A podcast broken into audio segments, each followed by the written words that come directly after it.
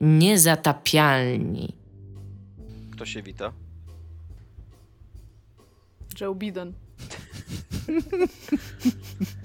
Witamy w e, Niezatapialnych, najlepszym podcaście po tej stronie Mississippi e, i przedstawiamy wam odcinek 299 Shield. E, witają się z wami Iga Ewa Smoleńska reprezentująca własne opinie. Dominik Gąska. I Tomek Pstrągowski i będziemy dzisiaj rozmawiać o różnych tematach. E, Będziemy również rozmawiać o giereczkach. Dopiero co skończyliśmy rozmowę o porno e, o Sojerze, e, której niestety nie nagraliśmy i Dominikowi jest bardzo przykro z tego powodu, bo uważał, że to co ja z Igą tutaj mówiliśmy było zabawne. Ja nie, nie to- wiem... Było to złoto, tak, było to prawie tak dobre jak ten odcinek, który nagraliśmy, ale się nie ukazał, bo, bo tym się nie nagrał. To był coś. bardzo dobry To odcinek. był bardzo do- dobry odcinek. A teraz tak, ja poszedłem sobie robić jeszcze kawę, bo yy, yy, trochę jestem śpiący jeszcze, nie taki niewyspany po nocy z giereczką. Yy, I w tym czasie Iga i Tomek prowadzili jakąś rozmowę, tak, była tak abstrakcyjna, a jednocześnie tak zabawna, że, że miałem dużo frajdy robiąc tą kawę, ale wy jej nie usłyszycie niestety. Może zrobię, dobra, nieważne. E, Będziemy dzisiaj rozmawiać, o ile nam starczy czasu, bo być może nam nie starczy czasu, czasami nam nie starczy czasu. Będziemy dzisiaj rozmawiać o tym, że Game Pass jest totalnie opłacalny i o tym, że Bethesda, nie, gry Bethesdy nie muszą wychodzić na żadne inne platformy poza Microsoftowymi platformami, żeby to wszystko się opłacało i że Phil Spencer jest super szczęśliwy i Dominik Gąska też jest super szczęśliwy i wszyscy, wszyscy są super szczęśliwi z tego powodu. Iga chyba też jest teraz jako Ja użytkowniczka jestem Game Passa. totally Game Pass, basic bitch, po prostu. ja to zjadam w ogóle tak, to, latest releases, tam download everything, tam jej. Będziemy również rozmawiać o y, y, CD Projekt Red, które y, no przełożyło Cyberpunka 2077, co tak ku zaskoczeniu wszystkich e, ku zaskoczeniu wszystkich przełożyło Cyberpunka. Nie Pierwszy wiemy, raz, pierwszy raz wiemy, się to tak, zdarza tej firmie. Nie wiemy, jaki teraz los czeka w ogóle polską giełdę, polską gospodarkę e, i, i branżę, branżę gier. Czy Orlen teraz wy, wy, wysunie się na prowadzenie, jeżeli chodzi o, o wartość rynkową, czy nie? Ciężko powiedzieć. E, I również porozmawiamy przy tej okazji o tym, dlaczego tak się stało i jak to skomentował Adam Kiciński, a skomentował to brzydko. A na końcu będziemy rozmawiać o znanym i lubianym i popularnym zespole KDA, który Iga dopiero chyba odkryła y, z powodu mojego tematu, tak Iga? Czy znałeś wcześniej? Znaczy wiedziałam, że istnieje, to nie jest tak, że siedziałam i się zastanawiałam, o ciekawe, ciekawe jak, jak to brzmi i to brzmi centralnie jak K-pop. Aha. Ale tak, e, jakby przesłuchałam płytę, jestem w stanie nawet więcej powiedzieć o tym, ponieważ czytałam też e, komiksy, które do tego wychodzą. E, Ogólnie się przygotowałam. Tak, bo będziemy rozmawiać o tym, że KDA wydało y, własny album. E, pierwszy, jest nowy singiel również, a do tego jeszcze nowa członkini KDA. E, ma teraz swoje konto na Insta i na tym koncie na Insta e, dzieją się rzeczy, więc to, więc to jest nasz temat. Y, Dominik zrobił Czy my- minę. Tak, bo ja nie zdawałem sobie sprawy, że będziemy o tym rozmawiać, że będziemy rozmawiać o jakimś k-popowym zespole. Jakbyś, jakbyś czytał y, No, Właśnie, tematy. agendę. Czytałem, czytałem, ale jakoś mało uważnie chyba. jakoś nie, nie dotarło to do mnie. no Ale to mi się widocznie. podoba, że zaskoczyliśmy nawet Dominika po prostu tym tematem. Tak, Spoko. tymczasem zaczynamy tradycyjnie od co jest grane. Dominiku, co jest grane u ciebie? Go! E, uwaga, uwaga Tomaszu, nie ucieszy ci to odpowiedź. E, melduję i, i ogłaszam zebranie kącika przygodówek point and click. Powra- Powracamy po przerwie jednotygodniowej, e, gdyż przeszedłem prawie dwie, tak jeden, jedną i trzy czwarte, albo nawet jedną i cztery piąte przygodówek point and click w ostatnim tygodniu. Pierwszą z nich to była gra, która się nazywa Journey Down Chapter 1. To była taka gra, która się ukazywała w trzech częściach na przestrzeni chyba trzech lat, trochę to trwało. Ja ją kupiłem ze dwa lata temu e, po jakimś grillu firmowym, gdzie, gdzie znajomy mi ją polecał, który lubi przygodówki, tak jak ja. I wtedy ją tak impulsywnie tam wyciągnąłem komóreczkę po paru No piwach. właśnie chciałam się zapytać, czy to było tak, jak kupowałeś pinbole, po prostu Tak. stojąc przed osobą, e, niby jej słuchając, ale już będąc na Steamie i tak, kupując. tak, tak, tak. ale jakoś nie, nie złożyło się, żebym w nią zagrał do teraz, a że byłem w ciągu przygodówkowym, to ją uruchomiłem. I jest to bardzo sympatyczna giereczka. To jest właśnie, wy mówiliście przed odcinkiem, oprócz y, erotycznych fanfików, też rozmawialiście o tym, jak y, tęsknimy za takimi krótkimi grami. Fakt, że to jest tam jedna część z trzech, ale nawet jakby chcę grać dalej, ale byłem usatysfakcjonowany po niej. Zajęło mi jakieś 3 godziny czy 4 przejście jej. I fajne to było. To jest takie.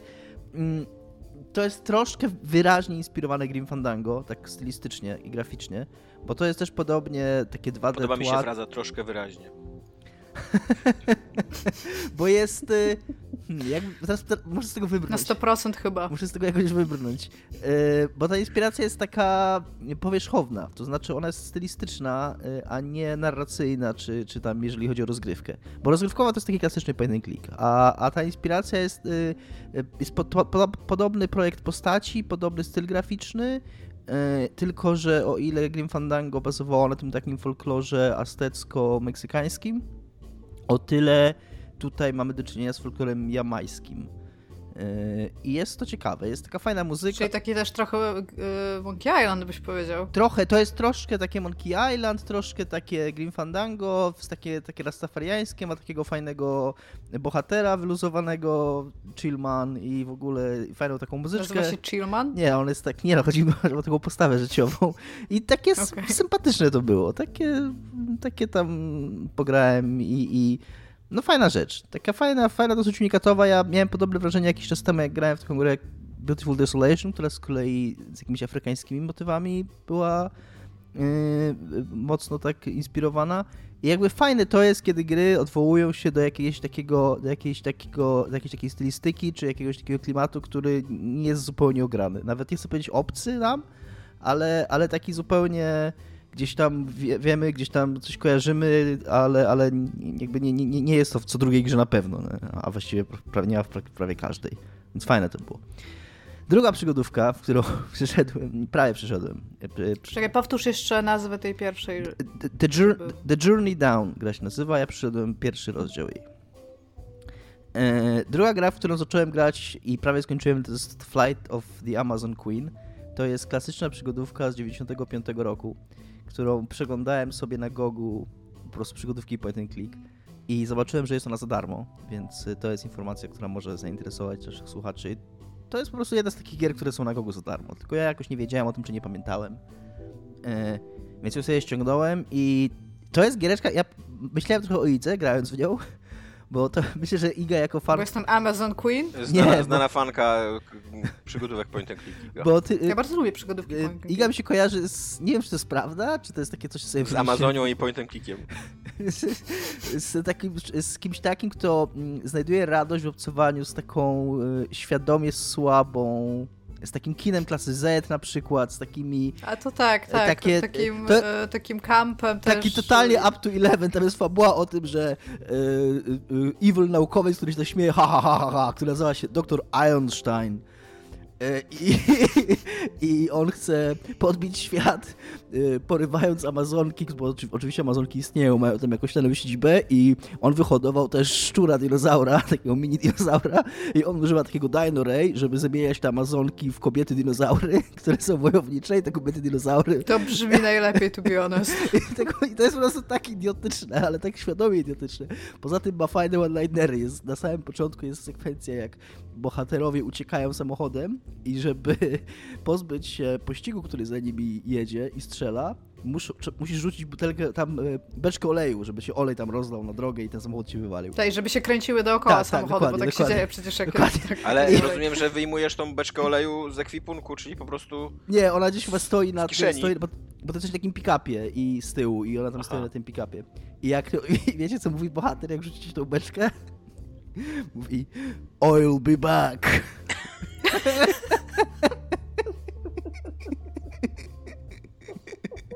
To jest chyba gra stworzona dla mnie. to, jest good writing, ja tak, ja doceniam. No. Jest, nie, nie wszystkie dowcipy trafiają, jakby, ale, ale, ale niektóre teksty są tak właśnie absurdalnie przerysowane, że, że mam frajdę z tego. I więc polecam. E, A trzecia rzecz, i teraz e, to już krótko, bo już było o tej grze, zacząłem grać w Hades, kupiłem Hades. E, Hades jest grą piękną, mądrą, dobrą. E, Hades to Tomek życie. powinieneś zagrać kiedyś. Tomek absolutnie e, To mia- jest super giantów, tych co lubisz od Bastiona, Tomek. Iga, dosyć jest to żałosna próba przeniesienia tego dowcipu na mnie. To jest bardzo dobra próba i nikt tego nie zauważył, dopóki nie powiedziałeś. Ja nie pamiętam już do końca, co Tomek mówił o tej grze, ale też nie chcę go powtarzać i na pewno powiedział wszystko, co jest ważne. E, Więc ja powiem tylko krótko, co mi się y, najbardziej w tej grze podoba. Tak, gra- pograłem w nią na razie z 20 godzin. Autentycznie, jak miałem z tą grą jak ze The Spire. Y, Bo to jest w ogóle podobny loop, to jest taki ro- roguelike'owy loop. Że ja ją odpaliłem w, w niedzielę o 15 i grałem y, 11 godzin do, do trzeciej w nocy, tylko tak znajdując godzinę w tych 12 godzinach na jakieś tam jedzenie czy coś, nie?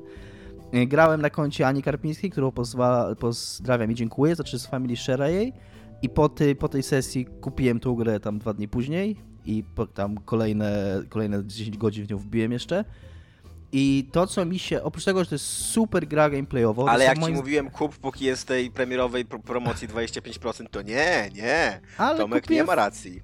Kupiłem w kupiłeś promocji za 100%. 20%. Nie, kupiłem w promocji Nie? 20% za 8 dych, także tam 5% 79. straciłeś. E, Ja trochę o tej grze czytałem e, po tym, jak zacząłem w nią grać e, i w recenzjach, i też za nią rozmawiając, która w nią grała, i z Patrykiem Fiałkowskim, który też gra, pozdrawiam. I Pod- Podoba mi się, jak Dominik mówi. Nie pamiętam, co Tomasz mówił o tej grze, ale teraz Tak. powiem o wszystkich nie, ludziach, którzy nie, też o nie, tym mówili. nie, nie, nie, chodzi mi o to, że nie chcę mówić o tych ludziach, co oni, po prostu no, mam to na świeżo, ale chodzi mi o to, że słowo, które... e, Ale Adamowi rozumiem, że się podoba, tak? Pod... tak, tak, tak. Słowo, które widziałem pojawiające się to grind, że w tej grze jest grind, bo e, te, ty pewne e, jakby upgrade'y postaci zachowujesz rana na rana, ale one są bardzo, bardzo powoli je zdobywasz, więc, więc to trwa długo. I ja się z tym tak fundamentalnie nie zgadzam, że to jest grind, że głowa mała. Bo właśnie to jest dla mnie, to mi się najbardziej podoba w tej grze, że ona owszem pozwala ci zachować pewne rzeczy, ale ty jak w nią grasz, to ja dużo bardziej czuję, że ja się w niej robię lepszy, niż że mój ludzik się robi lepszy. Ten ludzik jasne robi się trochę lepszy i dzięki temu nie mam takiego wrażenia, które czasami jest w takich grach, już szczególnie gram nie- niedługo, że, że niektóre rany są po nic, że, że już jak, że jak już znam grę i już mam i, i już pograłem w nią te 20 godzin, no to w Slay Spire tak miałem, że po prostu są takie rany, że no, tam już takie, wiesz, po prostu idziesz z auto, z- tak na automacie i, i, i wiesz, że ten run do niczego nie doprowadzi. To tutaj dzięki temu, że ty te drobne upgrade'y postaci zdobywasz, to nigdy nie ma takiego wrażenia, że ten run jest po nic, ale jednocześnie... Ale właśnie, bo, bo ta gra ma jeszcze taki, to co ty mówisz, to ona ma genialnie zrobiony ten loop up upgrade'owania, bo zawsze coś możesz zupgrade'ować. Tak. I to jest bardzo takie tak, clue w ale, tym, że ale, ale właśnie tak. za każdym razem nawet o minimum jesteś troszeczkę lepszy. Tak, ale jednocześnie to, że jesteś lepszy o to minimum, to właśnie moim zdaniem nie jest ani trochę wada, tylko wręcz jest dodatkowa zaleta, bo wciąż No tak, tak. wciąż to, co jest najistotniejsze, to ty się robisz lepszy w tej grze. Ja pamiętam, czy lepsza. Ja pamiętam, jak pierwszy raz z Hydrą walczyłem, to ja nie miałem pojęcia, co się dzieje. Tam po prostu jakieś w ogóle rzeczy, trochę tam te głowy tej Hydry wyskakiwały i tam what the fuck. A teraz tam ta Hydra... Pff, tam ostatnio pokonałem... Jeszcze raz, możesz powtórzyć dla naszych słuchaczy tak co? Ostatni raz pokonałem tą hydrę tam bez straty HP, czy tam ze stratą kilku dosłownie punkcików, nie? I to nie dlatego, że mój ludzik jest o tyle mocniejszy od tamtego czasu, tylko autentycznie tyle razy tą hydrą walczyłem, że już tam mam ją rozkminioną, nie? Tak samo furię.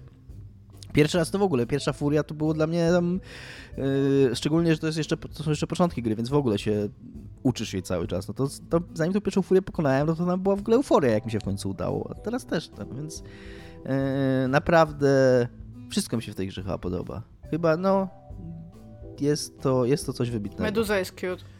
Meduza? A, tak, tak, tak, jest super. Jest naprawdę cute. Jest super. I, i tak, i, i, i doskonale się bawię i gdyby nie to, że yy, no, napisałem o tym na grupie, to chyba nie jest tajemnica, że gram w Asasyna nowego, yy, więc gdyby nie to, że, że gram w niego i gram w niego do recenzji, staram się grać w niego jak najwięcej, to na pewno grałbym w Hades jeszcze i na pewno będę grał w tą grę jeszcze, bo jest to, kurde, crack cocaine w formie gry. I Tomasz, tak, miał, ma rację. Słyszałeś, Dziękuję. Tomek? Co powiedział Dominik? Możesz powiedzieć to jeszcze raz, Dominik? E, Chciałbym też powiedzieć, że Iga również miała rację, bo Iga również e, zachwalała tą grę, chociaż chyba odpuściłaś sobie, co? Już chyba nie grasz w Hades. Znaczy mam czasami tak, że... y, Bo na samym początku jak zaczęłam grać, to po prostu grałam. Tak?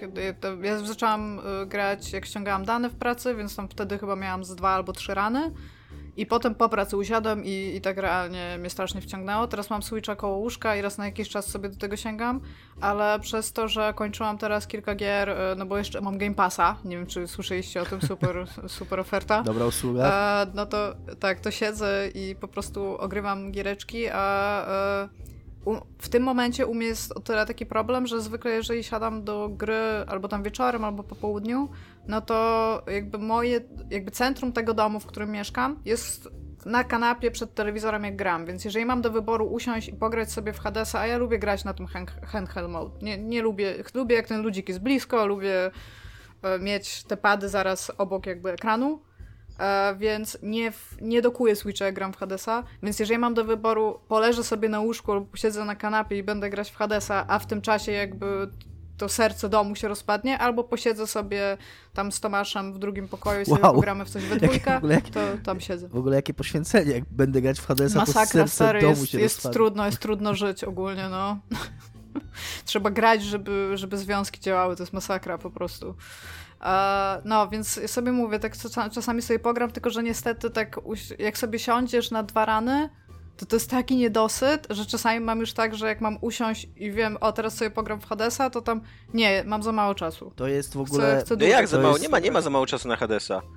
Ale bo ja, ja potrzebuję dłużej, po prostu ch- y, To mam jest- coś takiego, jest że to- jeżeli na przykład to robię w przerwie pomiędzy czymś i muszę zaraz do czegoś usiąść, to mam takie o i jestem tak nie, niefajnie Ja mi się jest to- z tym, że muszę przestać ja się grać, to- że często nie sięgam do Ja tej się gry. totalnie przez z to. Igą zgadzam, bo to jest taka gra, którą, w którą możesz grać 20 minut, co jest z niej fajne i przez co grasz w nią na 6 godzin, jak, jak już usiądziesz. Mhm, Bo zawsze to kolejne, zawsze jest czasem te kolejne 20 minut. No to jeszcze... tak. Ale jest tak, że bardzo dużo o niej myślę i chcę, chcę do niej wrócić. Teraz y, na szczęście w tym tygodniu będę mieć troszeczkę więcej czasu, żeby sobie tak posiedzieć sama przed konsolą i sobie nerdzić, więc na pewno będę Ja już zakończyłem mój związek z Hadesem. Zrobiłeś ten epilog? Nie, nie. Właśnie tak y, odpuściłem go, obejrzałem go na YouTubie, żeby już też mi tak z- zeszło z Rozumiem. bani, co nie, żebym się nie, nie, nie interesował co tam jest. Ja, szczerze mówiąc nie warto za bardzo do tego epilogu. Jakby tam fabularny to już jest takie, mm, nie będę mówił co tam jest, ale to już jest takie po prostu sympatyczna scenka, która ci tam dopowiada Ale coś, co, no nie? bo, no bo ty mówisz, że trzeba 10 razy Hadesa pokonać, Tak. żeby mieć true ending, a, a, a żeby ten epilog mieć, to co jeszcze trzeba zrobić? E, Tam w pewnym momencie, jak już zaczynasz zabijać Hadesa, to, w, to pojawiają się takie utrudnienia, co nie? Że możesz brać Mhm. e, różne ograniczenia na, e, w, w trasę, no i dzięki temu tam zdobywasz więcej diamentów albo jakichś innych tych rze- rzeczy, Mhm. co nie? Jakby każdy ma jakieś tam warunki. I, e, I ty jakby na początku musisz, możesz mieć jedno ograniczenie, musisz zabić Hadesa, później dwa ograniczenia, musisz zabić Hadesa, trzy ograniczenia, zabić Hadesa i tak dalej, co nie? I w momencie, kiedy zaczynasz grać z ośmioma ograniczeniami, to wtedy możesz, możesz się zacząć robić ten epilog chyba. Tak mi się wydaje, że on jest jeszcze Aha. w ogóle losowo wtedy, może się włączyć, co nie? Że to nie jest tak, że, że na pewno się włączy, bo jak ja czytałem, nie wiem, może teraz już internet jest bardziej na bieżąco w tej sprawie, ale jak ja czytałem tam ze 2-3 tygodnie, szukałem tych warunków odpalania epizodu, epilogu, to jakby jedyny warunek, jaki tam internauci byli w miarę zgodni, to że musisz właśnie z ośmioma ograniczeniami skończyć grę, a że, że co jeszcze ją triggeruje, to nikt nie wiedział, co nie? Więc no, więc tak to wygląda. No i tak już stwierdziłem, że nie, no już ja tam z 45 godzin chyba wbiłem w tą grę. I tak wystarczy mi. To jest jedna gra akcji, gdzie po prostu tam biegasz i, i, i, walczysz i zabijasz ludziki. 45 godzin to jest wystarczająco dużo biegania i walczenia i zabijania ludzików. Nawet jeżeli to jest super bieganie i walczenie i zabijanie ludzików. Amerykanów dziś zabiłeś, Tomek? Ja dzisiaj ani jednego Amerykanina nie zabiłem. Ja... Od, od przynajmniej wczoraj e, uwielbiam naród amerykański. Jest to najwspanialszy naród Również. na świecie, cudowny. Chociaż e, uwierzę, jak zobaczę. Że tak... Tak, tak. to- Ja w ogóle przez te, te ostatni, e, no nie wiem, nie wiem ile tam, półtora tygodnia, e, przeczytałam bardzo wiele e, praw związanych z no, jakby procesem głosowania na prezydenta i to jest najmniej sk- tak. jakby Tak. skuteczny i skomplikowany w ogóle system, jaki Jest, chyba kiedykolwiek tak. wymyślono. y, jest taki, taka miniaturka y, u Colberta chyba y, o tym systemie elektorskim, która jest, znaczy jest zabawna, ale tam nic odkrywczego w niej szczególnie nie ma, ale na końcu jest zajebisty tekst. Piszą Electoral College, because there is no you in democracy, but there is, but there is a why!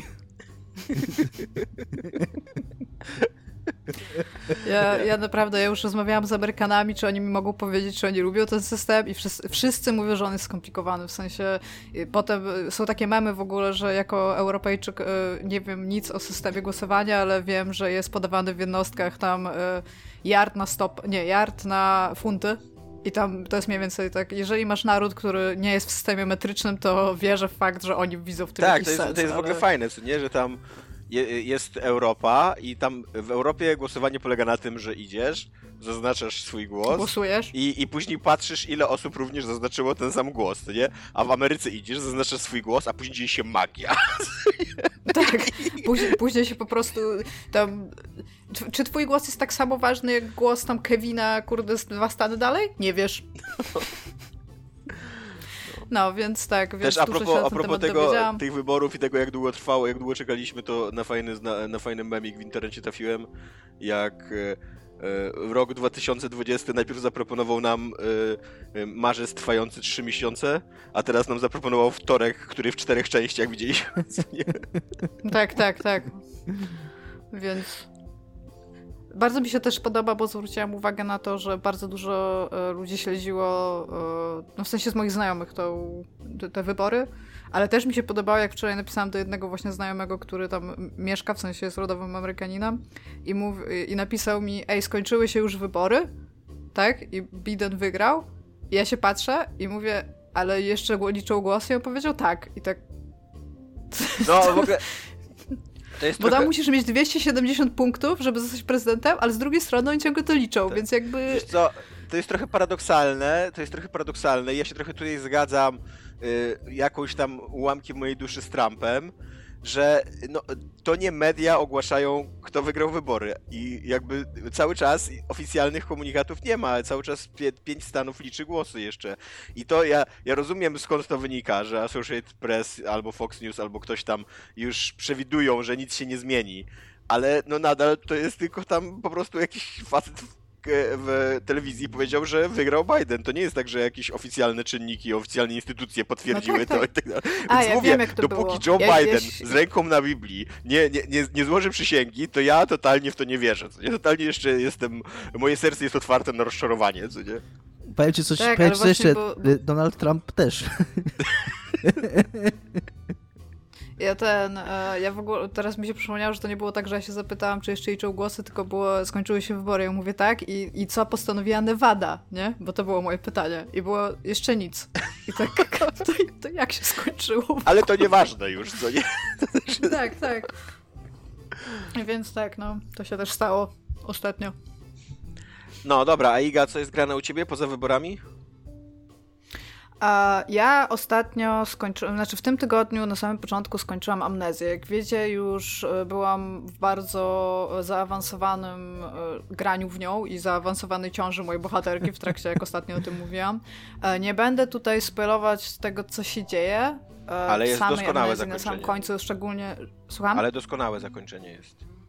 Znaczy, bo szczególnie, że już wam o tym mówiłam, ale po prostu to zakończenie jest ja, ja nie rozumiem, czemu Frictional Games zdecydowali się powiedzieć to, co powiedzieli tam na końcu, ale jestem.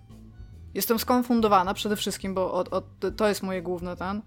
Po drugie, jakby ja nie rozumiem, czy ta historia nie wybrzmiała, czy oni jakby nie osiągnęli tego, co, co chcieli powiedzieć w jakiś sposób, ale ono jest po prostu.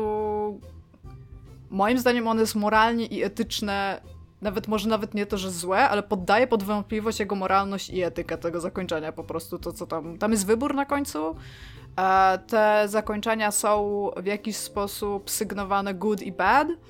I po prostu to, co tam się stało na końcu no jakby odłożyłam pada, wyłączyłam grę i nie wiem, jak kocham Frictional Games, to po prostu no strasznie, strasznie stracili punkty moim zdaniem na tym.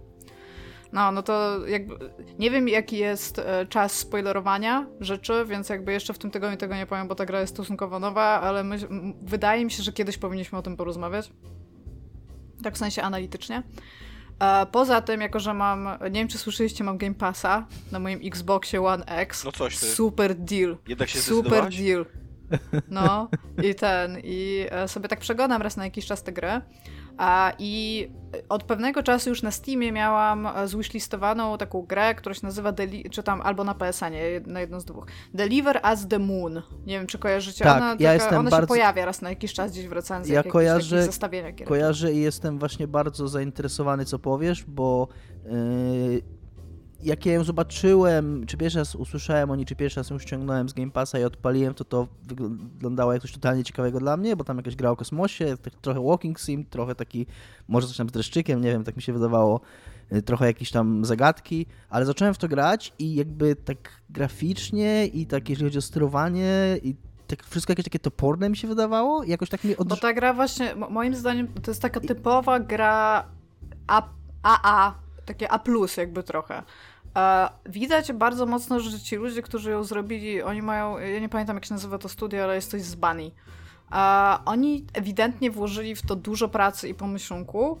E, natomiast właśnie to, co mówi Dominik, powierzchowność tej gry jest taka bardzo zagadkowa, bo zarówno widać to w projekcie Hada, tam jakichś takich bardzo, żurnalach. Bardzo ładnie to powiedziałeś. To jakby... Bardzo ładnie to powiedziałeś. Bardzo ładnie to powiedziałeś, że, że jest. Bo, dokład, bo, to, bo to jakby trafia w sedno, że ona jest taka jedno. No tak, tak, tak. Ona, jakby, ona jest taka w rozkroku, że to wygląda jak taka bardzo ładna, współczesna gra, a jednocześnie ma takie elementy, że tak patrzysz na to i trochę coś już to jest nie tak.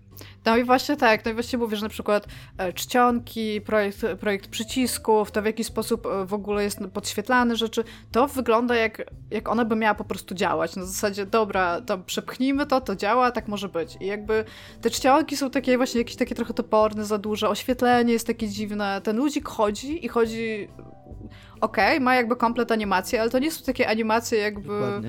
One, one są takie pomiędzy tym, że mogłyby być super dokładne, a pomiędzy tym, że równie dobrze mogliby wziąć stokowe animacje, ale coś tam wsadzili jakąś pracę. I one właśnie są takie. To, to jest właśnie takie jakby A, A, A, A minus, o może w taki sposób. Że, Iga, że jest tam budżet. dwa kroki wstecz i powiedz w ogóle, co to jest za gra, bo ja na przykład. Wiem, no właśnie chcę powiedzieć, ale wiecie, daj mi powiedzieć zagra, najpierw ja o tej powierzchowności. No dobra, tylko że powierzchowność czego jakby? No tak, tylko że jakby sam aspekt oddziaływania z, taki, z takiego typu grami daje ci taką, e, takie przemyślenie, że wszystko jest ok, ale. I to jest to, od czego chcę zacząć. I ta gra jest taka praktycznie wszędzie. Czyli na przykład. E, dobra, niech będzie setting. Jest rok 2052, chcę powiedzieć, w każdym razie druga połowa XXI wieku. Od lat e, 30. jest wielki kryzys energetyczny na Ziemi. Nie, skończyły, skończą się po prostu takie naturalne e, resources. Zasoby zasoby i e, potrzebujemy my jako ludzkość poradzić sobie z faktem, że klimat się zaczął psuć, e, pustynia zaczyna się rozszerzać, zaczyna brakować wody, jedzenia, e, ziemia jest przeludniona, no wiadomo, no jakby to, to, co stanie się w przyszłości, jeżeli nie zareagujemy 20 lat temu, ale niestety nie zareagowaliśmy teraz. I mówię o tym współcześnie, nie zareagowaliśmy, jesteśmy pretty much fucked, ale no w każdym razie. E, postanawiamy, że potrzebujemy jakiegoś zewnętrznego źródła energii. W tym czasie trwają badania różnych e, związków chemicznych, których moglibyśmy użyć i okazuje się, że skały księżycowe, te minerały, które są na księżycu, są pełne helium-3, to się nazywa. Więc jesteśmy w stanie odzyskiwać jakiś tam, jakąś energię na Księżycu, ale jest jeszcze taki problem, bo jako, że kończą nam się zasoby tutaj, to nie jesteśmy w stanie pozwolić sobie na to, żeby latać w tą i z powrotem z Księżyca z tymi zasobami. No i tutaj przychodzą tacy bardzo mądrzy ludzie, bo tutaj bohaterami są e, inżynierowie, e, biolodzy, geolodzy, no ogólnie naukowcy, bardzo szerokiego spektrum, którzy e, wynajdują taką super, super sposób na to, żeby tą energię z tego księżyca dostarczać na Ziemię i to jest w formie takiego, takiej energii przesyłanej specjalnym tunelem, który jest wybudowany. On, on jest taki po części fizyczny, bo znajduje się taki jakby specjalny tunel z takim pseudolaserkiem jakby, który ją wysyła, ale też ta energia po prostu spływa do ziemi, jest przechwytywana tam już jakby bez tego tunelu. No i oni sobie budują kolonię na Księżycu, odzyskują te, e, te skały i po to, e, znaczy to jest wykonywane po to, żeby była energia na Ziemi, która pozwoli nam znaleźć sposób, żeby przywrócić w jakiś sposób e, na, naturalny porządek na Ziemi. I wszystko jest spoko do czasu, aż w pewnym momencie energia przestaje płynąć. Naturalny porządek na Ziemi, czyli że bez małżeństw homoseksualnych, tak? Rozumiem. Tak, tak, to jest bardzo ważne w tej grze. No nie, no chodzi o to, żeby powstrzymać rozszerzanie się tej pustyni. Tam jest bardzo dużo tych. E, w ogóle, w ogóle to też jest śmieszne, bo, bo jakbyśmy, jakby, jakby nam zależało na naturalnym porządku, to, to byśmy pozwolili wyginąć ludzkości i Ziemia by się odrodziła, jakby to nie jest... Y, tak. Ziemia ma swój tak, tak sposób, tak, jakby na no to, co jej robimy. Ale słuchaj, bo to jest w ogóle też ważny element tego, o czym ty mówisz. I teraz tak, e, wszystko przestaje działać, jakby tak? I nie zapominając o najważniejszej rzeczy w ogóle w tym wszystkim, my, w sensie na samej Ziemi nie ma już zasobów, żeby, żeby polecieć na Księżyc. Więc e, cały e, jakby taki m, mm, aparat e, tego, żeby tą Ziemię uratować, który się nazywa tutaj WSA, to jest World Space Association, zostaje rozwiązany po kilku latach starań, ale kilku takich zapaleńców, którzy mają cały czas dostęp do tej infrastruktury, która tam była, w pięć lat udaje im się zorganizować misję, żeby polecieć na Księżyc, żeby jedna osoba mogła polecieć na Księżyc i zobaczyć, co tam się stało oraz spróbować w jakiś sposób naprawić ten przepływ energetyczny i uruchomić to jeszcze raz, żeby, żeby ta ludzkość nie mogła wyginąć. I teraz ty jesteś oczywiście tą postacią, która sama startuje rakietę, leci na ten księżyc i musi wszystko odkryć. I to jest ważne.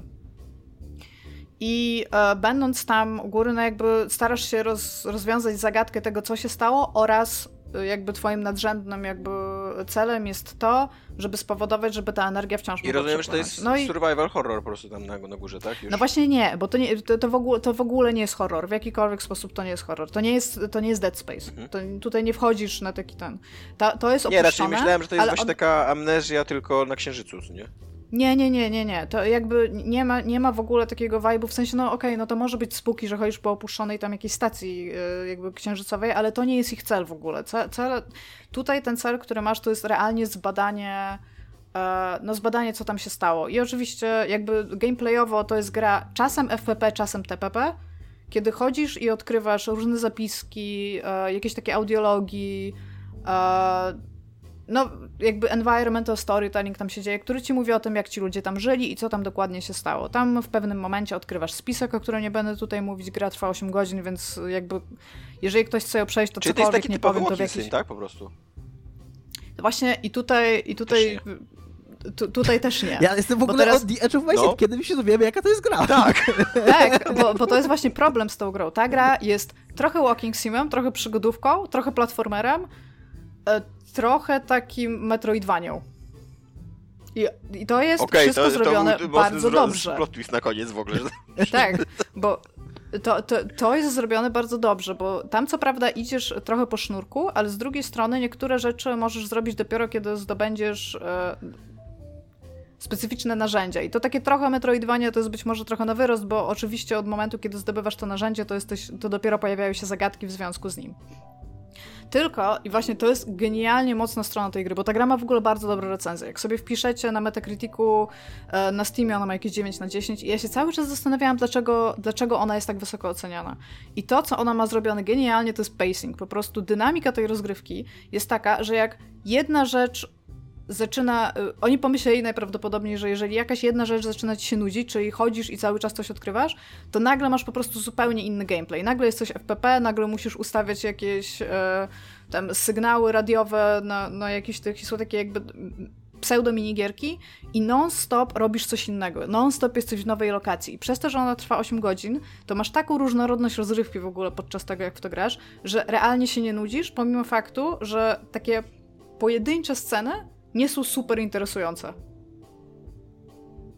Jestem jak na razie chyba w, na samym końcu praktycznie. Widzę to po achievementach, bo tam na przykład już mam wszystkie audiologii odkryte, ale też ewidentnie ta fabuła jest poprowadzona tak, że jestem już jakby w ostatnim miejscu, gdzie rozwiąże się zagadka i ta zagadka nawet nie jest głupia. Najbardziej, w sensie to, najbardziej co tam się, się dzieje... w ogóle podoba... Ty, ty powinnaś w ogóle sprzedawać gry, moim zdaniem. Znaczy, poza tym, że tam y, chyba żadna gra się nie sprzeda na reklamie przez 15 minut opowiadanej, ale totalnie było z takiego poziomu zero zainteresowania. Przechodziłem przez taki, że w ogóle Iga w ogóle źle zaczęła opowiadać o tej, o tej grze, a teraz jestem totalnie, kurde, muszę w to zagrać. Ja mam dokładnie, ja mam dokładnie to samo. Ja jakby bardzo tutaj, polecam tutaj tą giereczkę. ta twoja, to, twoja, Ona, twoja wypowiedź była tak, y, jakby ty tak y, jakby zaczęłaś, nie chcę powiedzieć nudno, ale, ale, ale to jest też geni... ale to, to, jest, to jest idealnie to, co robi ta gra. Jak Ale ty zrobiłaś- zaczynasz grać, to, to masz wrażenie, kurde, no tam jestem sobie typem w tam astronautą i chodzę i to nie jest może super interesujące. I, co, I ona ci tak dawkuje informację, że chce ci się grać dalej. I to nie jest najbardziej genialna gra. To, to nie jest jakaś w ogóle tam nawet indie perła, bym powiedziała. To jest po prostu bardzo dobrze złożona gra na bardzo podstawowych elementach tego, co tam się dzieje jakby w środku. I robi to, robi to, co chce zrobić po prostu bardzo dobrze. Potrzebujemy więcej takich gier. zagram w to.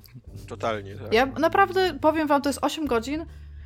Ja nie mam jeszcze. Mam, mam czasami coś takiego, że. Bo ja w nią tak gram po dwie godziny dziennie, powiedzmy, nie? Po tych dwóch godzinach jestem like.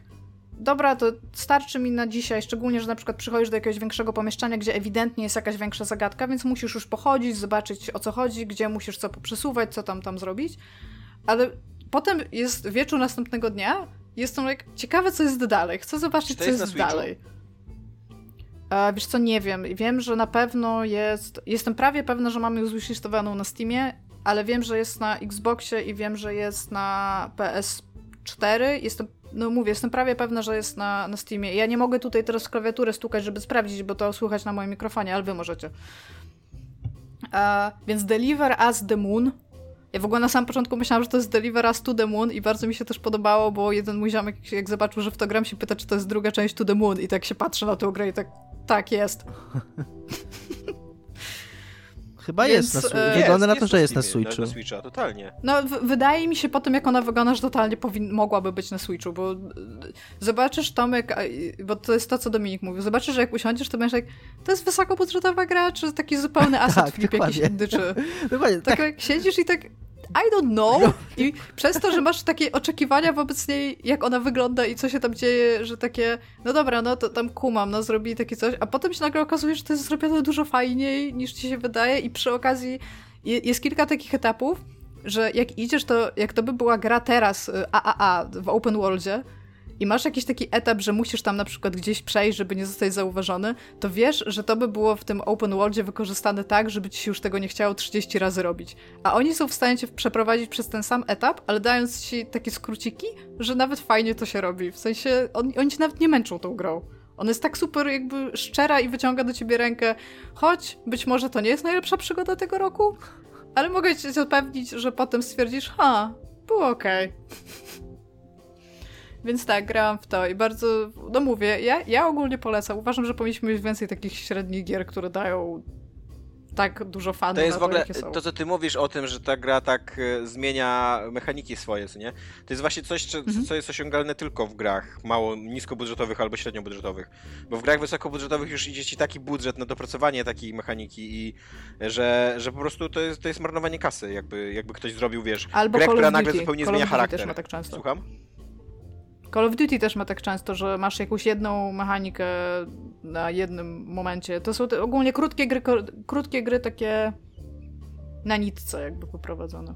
Ale tak, to co ty mówisz, to, to jest fakt, dużo lepiej w mniejszej grze zrobić jakąś mechanikę i potem nie ma takiego bólu dupy, ej, zrobiliśmy to, to teraz zróbmy to jeszcze sześć razy, bo to musi być system już teraz. Call of Duty ma tak, że ma takie małe mechaniki, tylko że wiesz co, te małe mechaniki może są mało w jednej grze wykorzystywane, ale później będą wykorzystane w następnych 13, co nie? Więc to nie, No to tak, jakby no. są trochę zabezpieczeni na tym froncie.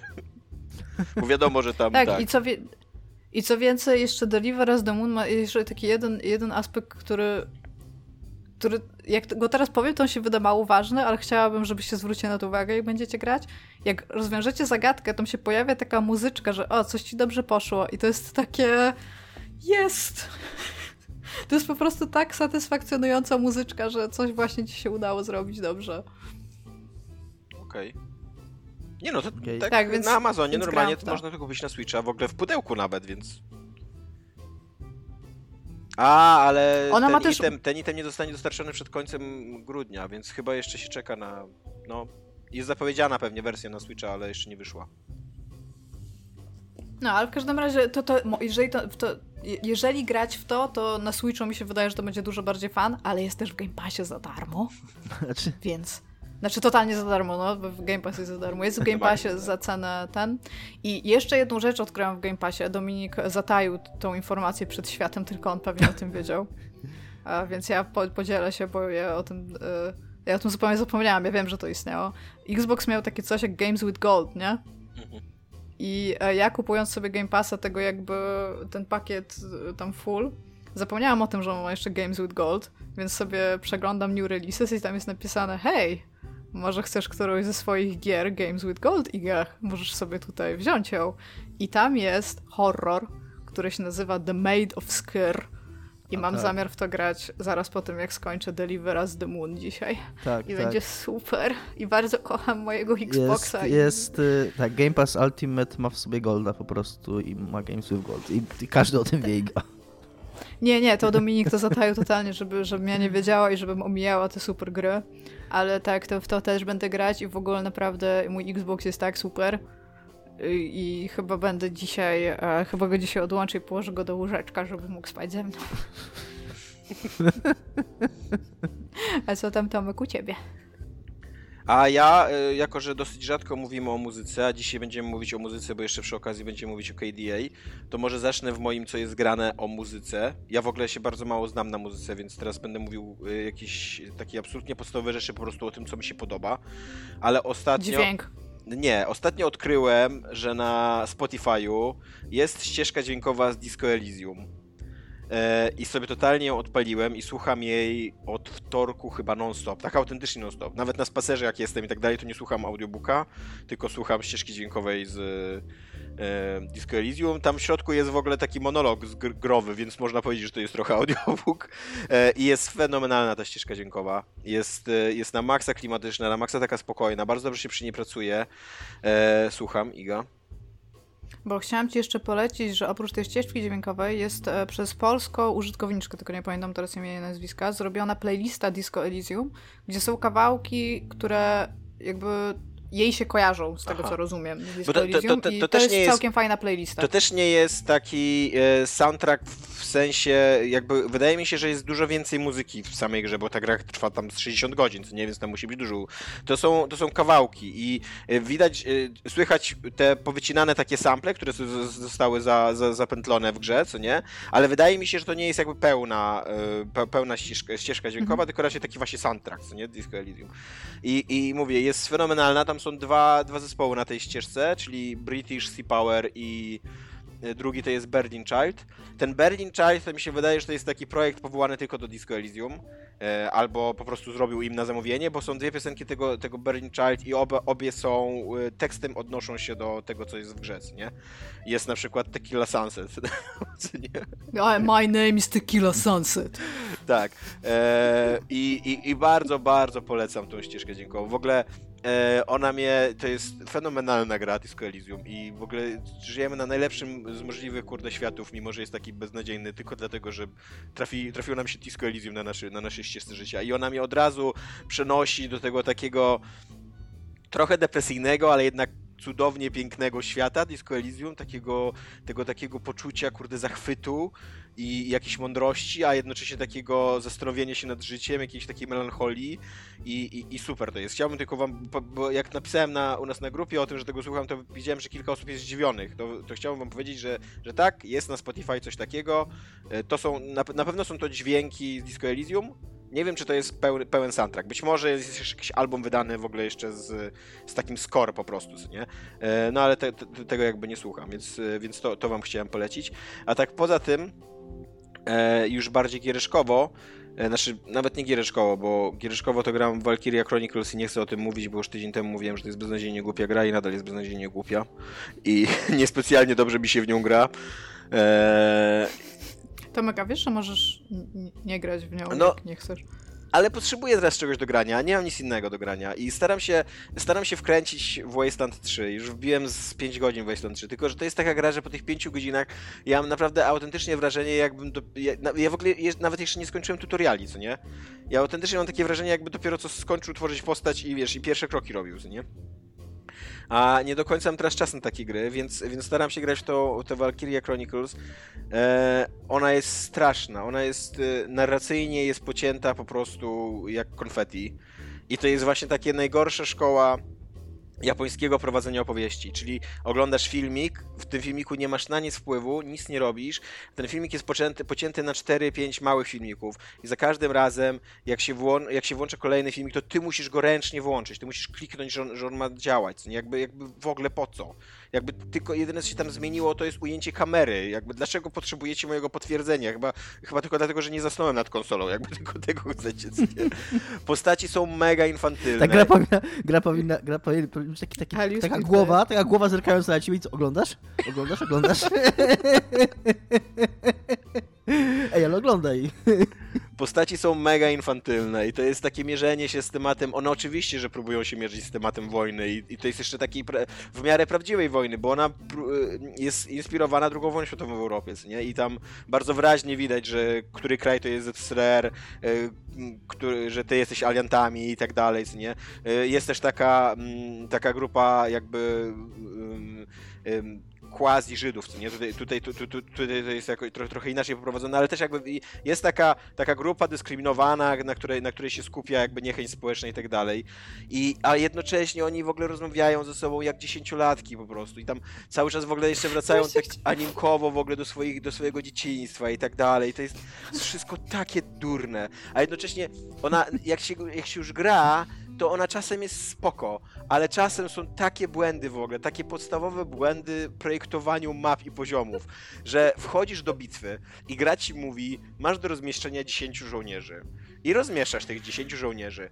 I tak se patrzysz i myślisz, kurde, a tych dwóch żołnierzy jest po drugiej stronie barykady. Ciekawe o co będzie chodziło. Wiecie o co chodzi? O to, że jak się zaczyna misja, to y, pierwszą turę ma wróg i od razu zabija tych dwóch żołnierzy. Jakby w ogóle, what the fuck? Po co? Po co? I, i ja muszę robić reset misji i, i zapamiętać, że dzięki temu, że raz już dostałem nauczkę, to teraz zapamiętać, że tych dwóch misji nie obstawiam. Jakby to jest takie absolutnie e, takie one on one w projektowaniu gry, że nie, nie, nie- nie, nie, karaj gracza za coś, czego on jeszcze w ogóle nie zrobił, że jakby nie miał szans w ogóle nic spieprzyć, a ty już mu zabijasz żołnierzy.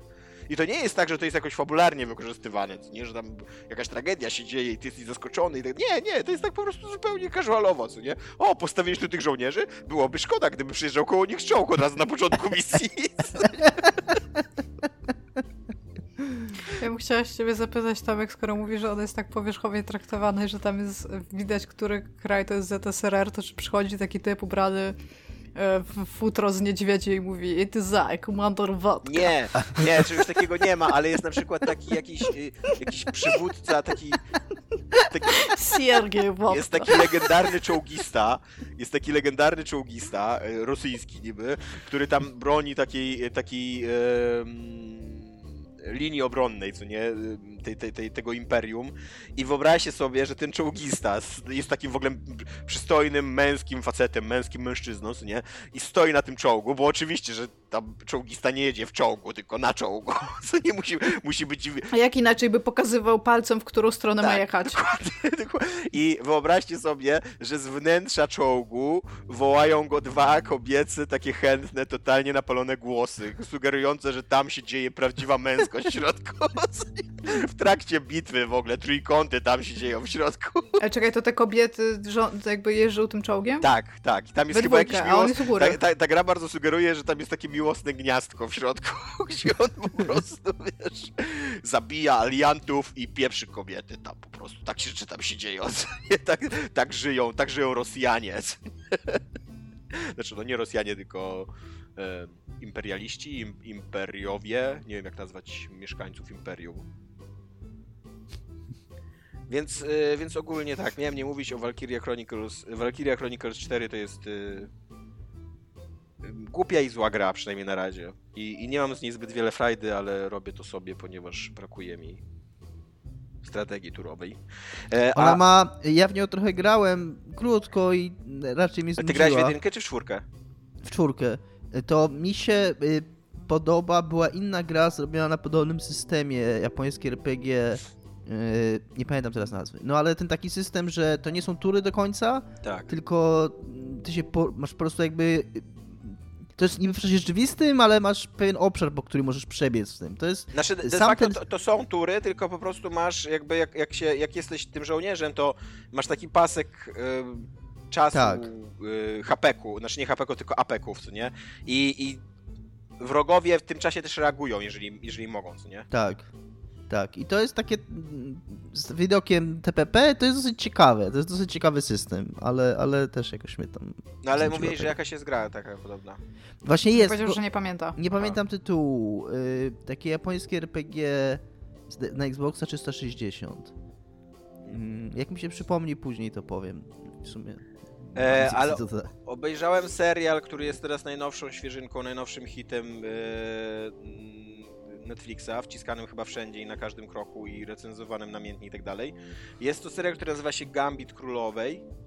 E, Jest to serial e, o wybitnej, o wybitnej szachistce, e, która w latach 50., a później 60., ona jest e, sierotą, jej matka e, zginęła w wypadku samochodowym, ojciec ją porzucił i ona trafia do sierocińca i tam się uczy grać w szachy.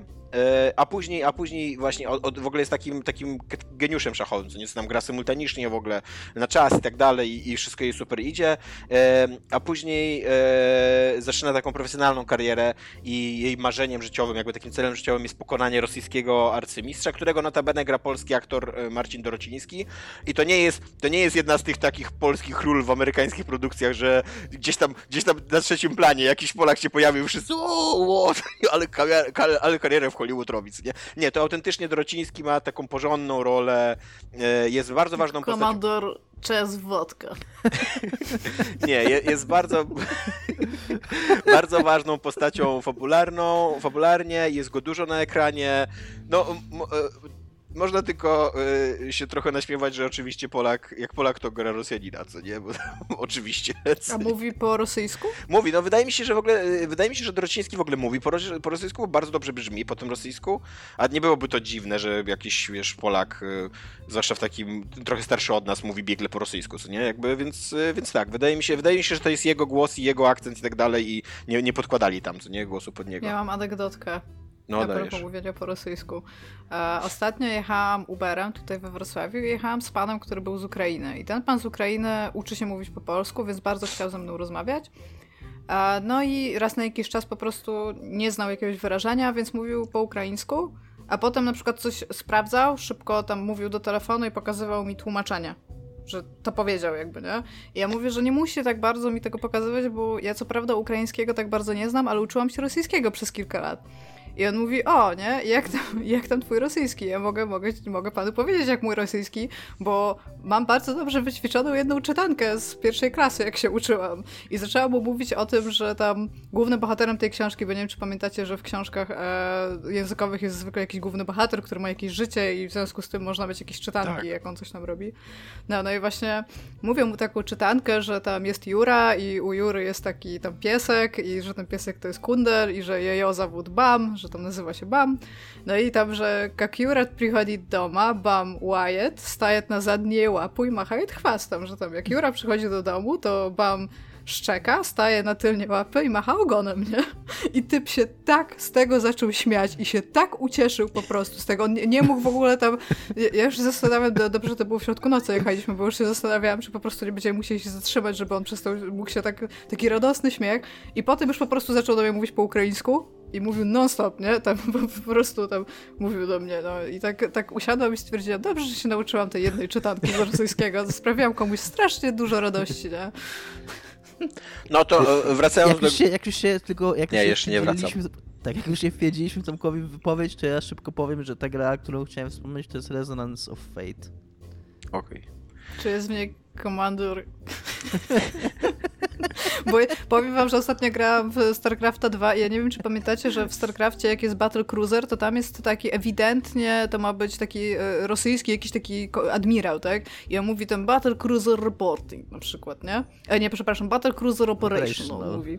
Tak, i teraz jakby w StarCraftie 2 w kampanii zergów jest taki też admirał i on przychodzi i on jest już zergowy, w sensie e, jest tam takie mięso, ma tutaj na twarzy, że już tam się zmienił z takiego infekteda, ale wciąż jest ubrany w taką rosyjską brytyjską jakby pilotkę, golf i na tym golfie ma w ogóle to mięso, bo to jest wiadomo, że to część admirała to jest jego golf i on właśnie mówi z takim akcentem, no i tam właśnie to jest tam this is I, Commander Watka, I am Russian. Przepraszam. Tomek, No, więc y, y, ten serial, o którym opowiadałem, to przypomnę tytuł, że to jest Gambit Królowej, bo mogliście już zapomnieć. E, jest to, to jest, to jest bardzo, bardzo sprawnie, bardzo fajnie opowiedziana historia, która się dzieje, e, która bardziej niż o szachach jest o relacjach rodzinnych, zwłaszcza relacja, relacjach z matką i z ojcem, bo ta dziewczyna, ta główna bohaterka ma bardzo skomplikowane E, ona się nazywa Beth Harmon. Ona ma bardzo skomplikowane relacje zarówno ze wspomnieniami po swojej matce, jak i ma taką traumę, że mężczyźni w jej życiu takie figury ojców zawsze znikały w pewnym momencie z, jego, z, z jej życia, bo e, i ojciec zniknął i ten człowiek, który w sierocińcu nauczył ją e, szachów, ona jakby jak, po tym jak została adoptowana, no to już straciła z nim kontakt i ten ojciec, który ją a, adoptował też, te, też ma taki, taki stosunek do niej niezachętny, nie, nie, niezachętny, a z drugiej strony ma bardzo dobry stosunek z kobietami, z matkami w swoim życiu, tylko że te matki są zawsze w jakiś sposób zwichrowane, skrzywdzone przez społeczeństwo, albo bo jej, jej, biologiczna matka zmagała się z chorobą psychiczną, a jej adopcyjna matka z kolei zmagała się z alkoholizmem. E, I, i, i to jest fajne w tym serialu. Fajnie, fajnie to jest zrobione takie, takie dosyć, dosyć poważne, dorosłe podejście do tych, do tych tematów. Właśnie też na przykład pokazywanie, że możesz być dobrym rodzicem nawet jak masz dużo problemów ze sobą, e, albo właśnie ile, ile kosztuje dziecko, nie, nie, jakby nieobecność, albo nawet nie nieobecność, tylko jakaś toksyczna obecność jakiegoś rodzica. E, I, i, i, pod tym względem. I też jest to bardzo mocno serial o uzależnieniach, bo ta BF ona się uz, uzależnia od leków psychotropowych, ponieważ w sierocińcach w latach 50. podawano dzieciom e, leki psychotropowe na, na, na uspokojenie. E, I ona się od nich uzależnia, one jej pomagają grać w te szachy. I, I pod tym względem jest to moim zdaniem gorsza historia, bo traktuje trochę uzależnienie jako taki. No tak taki, taką zewnętrzną manifestację nieszczęścia życiowego i w momencie, kiedy jak odnajdziesz jakieś szczęście życiowe, w momencie, kiedy jakoś poukładasz, to nagle jak za, za dotknięciem czarodziejskiej różdżki ten problem uzależnienia znika, co nie? E, i, a tutaj, tutaj jeszcze ten problem uzależnienia jest taki doprowadzony trochę do absurdu, bo w pewnym momencie ilość leków psychotropowych, które ona bierze jest yy, no niesamowita.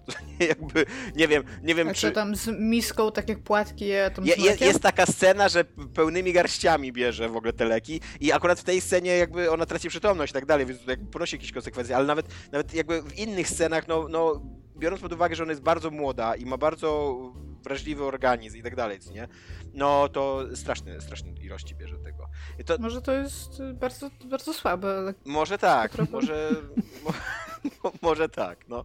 E, to, to, co jest najfajniejsze w tym serialu, to to, że, że go się autentycznie świetnie ogląda. Jest, jest mega sprawnie opowiedziany, cały czas cię interesuje, co się dzieje dalej, mimo, że to jest głównie obyczajówka, mimo, że tam bardzo mało jest jakichś takich szokujących zwrotów akcji albo czegoś takiego, a zwrot akcji taki, taki w ostatnim odcinku tłumaczą ci przeszłość tej, tej, tej BF, to, to totalnie jest coś, co, co jakby wynika z opowieści, czego się już domyśliłeś wcześniej i teraz ci po prostu pokazują tak mm, czarno na białym, że, że tak, że to się wydarzyło i że, że, że dlatego ona ma takie wspomnienia traumatyczne tej matki i taki jeden, jeden jej tekst, który ona powiedziała i który cały czas do niej powraca, nie?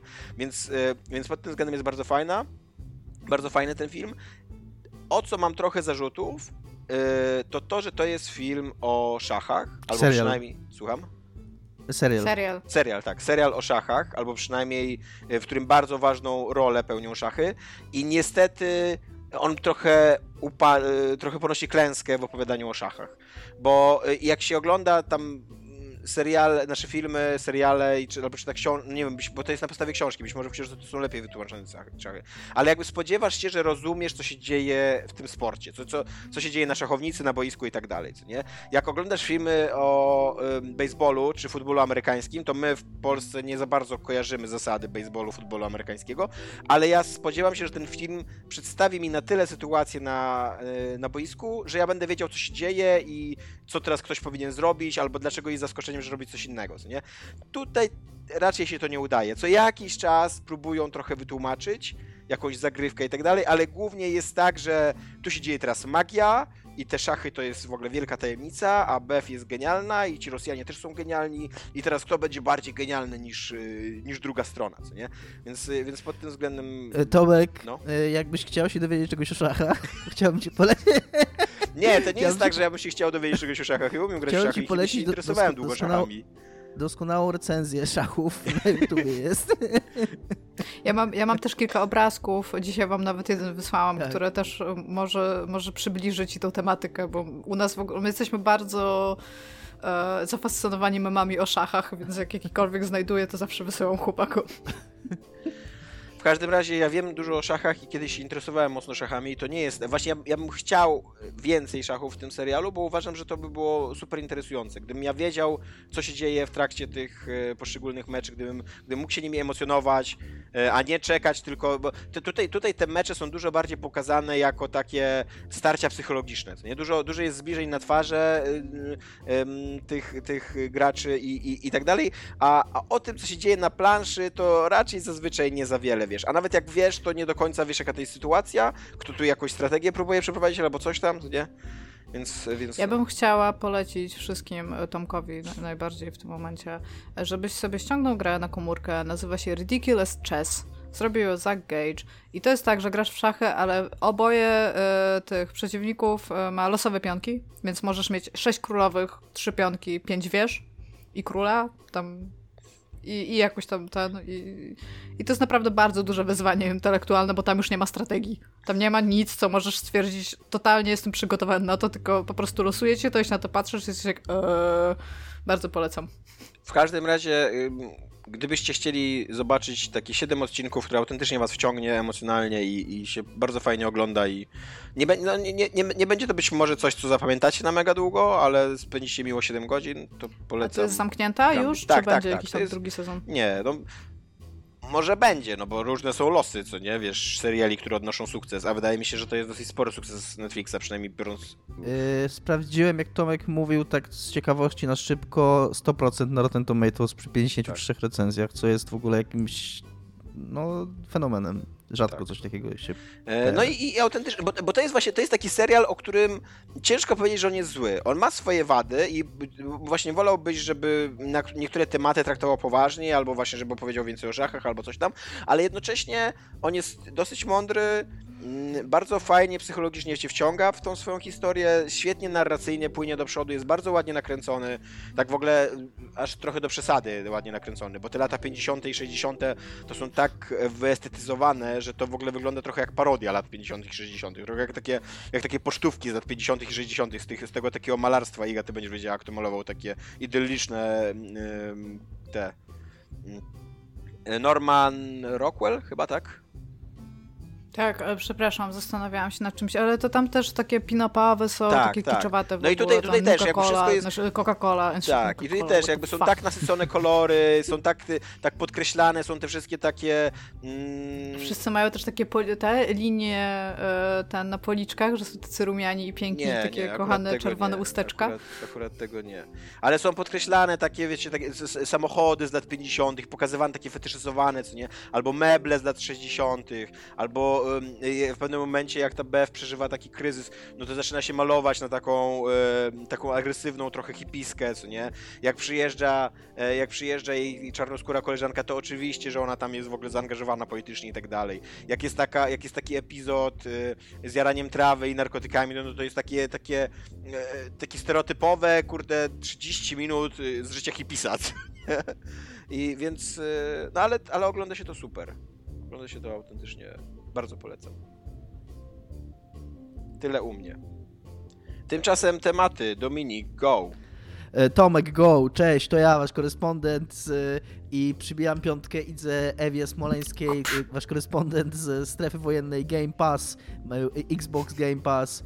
E, Phil Spencer e, wypowiedział się ostatnio w podcaście, niech ja sobie przypomnę, albo właściwie przeczytam, jak się nazywał ten podcast, Dropped Frames. To nie jest, jest tylko jeden podcast i to jest podcast niezatopialny i tego słuchamy. Yy, dopiero teraz w ogóle spojrzałem, że w tym newsie, którego czytałem oczywiście wcześniej na VG247, Oczywiście.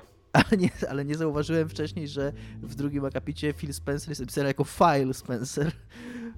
bo ma, ma E na końcu. W każdym razie spytali go, bo to jest coś, co trochę powraca i to jest takie trochę moim zdaniem w ogóle naiwne. E, takie, że ten Game Pass to jest taki super deal, że w ogóle czy to się Microsoftowi opłaca?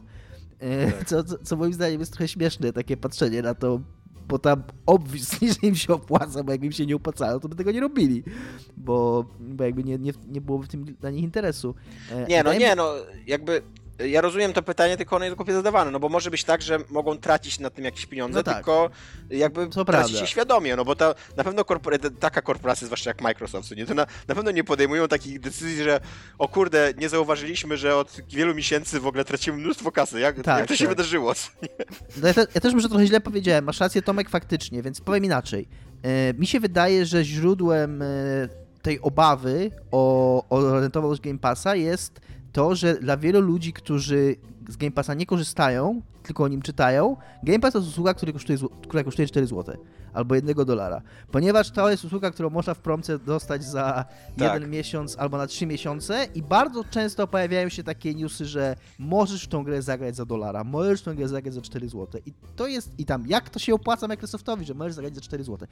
To działa tylko przez miesiąc, później płacisz już normalnie y, tam 50-53 zł. To jest dużo pieniędzy. Przy, jak Microsoft ostatnio ogłasa, ogłaszał, że ma 15 milionów abonentów, to przy cenie tak pi razy oko 10 dolarów to jest 150 milionów dolarów, tam minus jakieś podatki, bla bla bla. Miesięcznie. Ale wciąż 150 to jest kupa pieniędzy. To jest naprawdę kupa forsy. Miesiąc w Po- miesiąc. po- Potwierdzam, 150 milionów dolarów to Jak- jest kupa pieniędzy.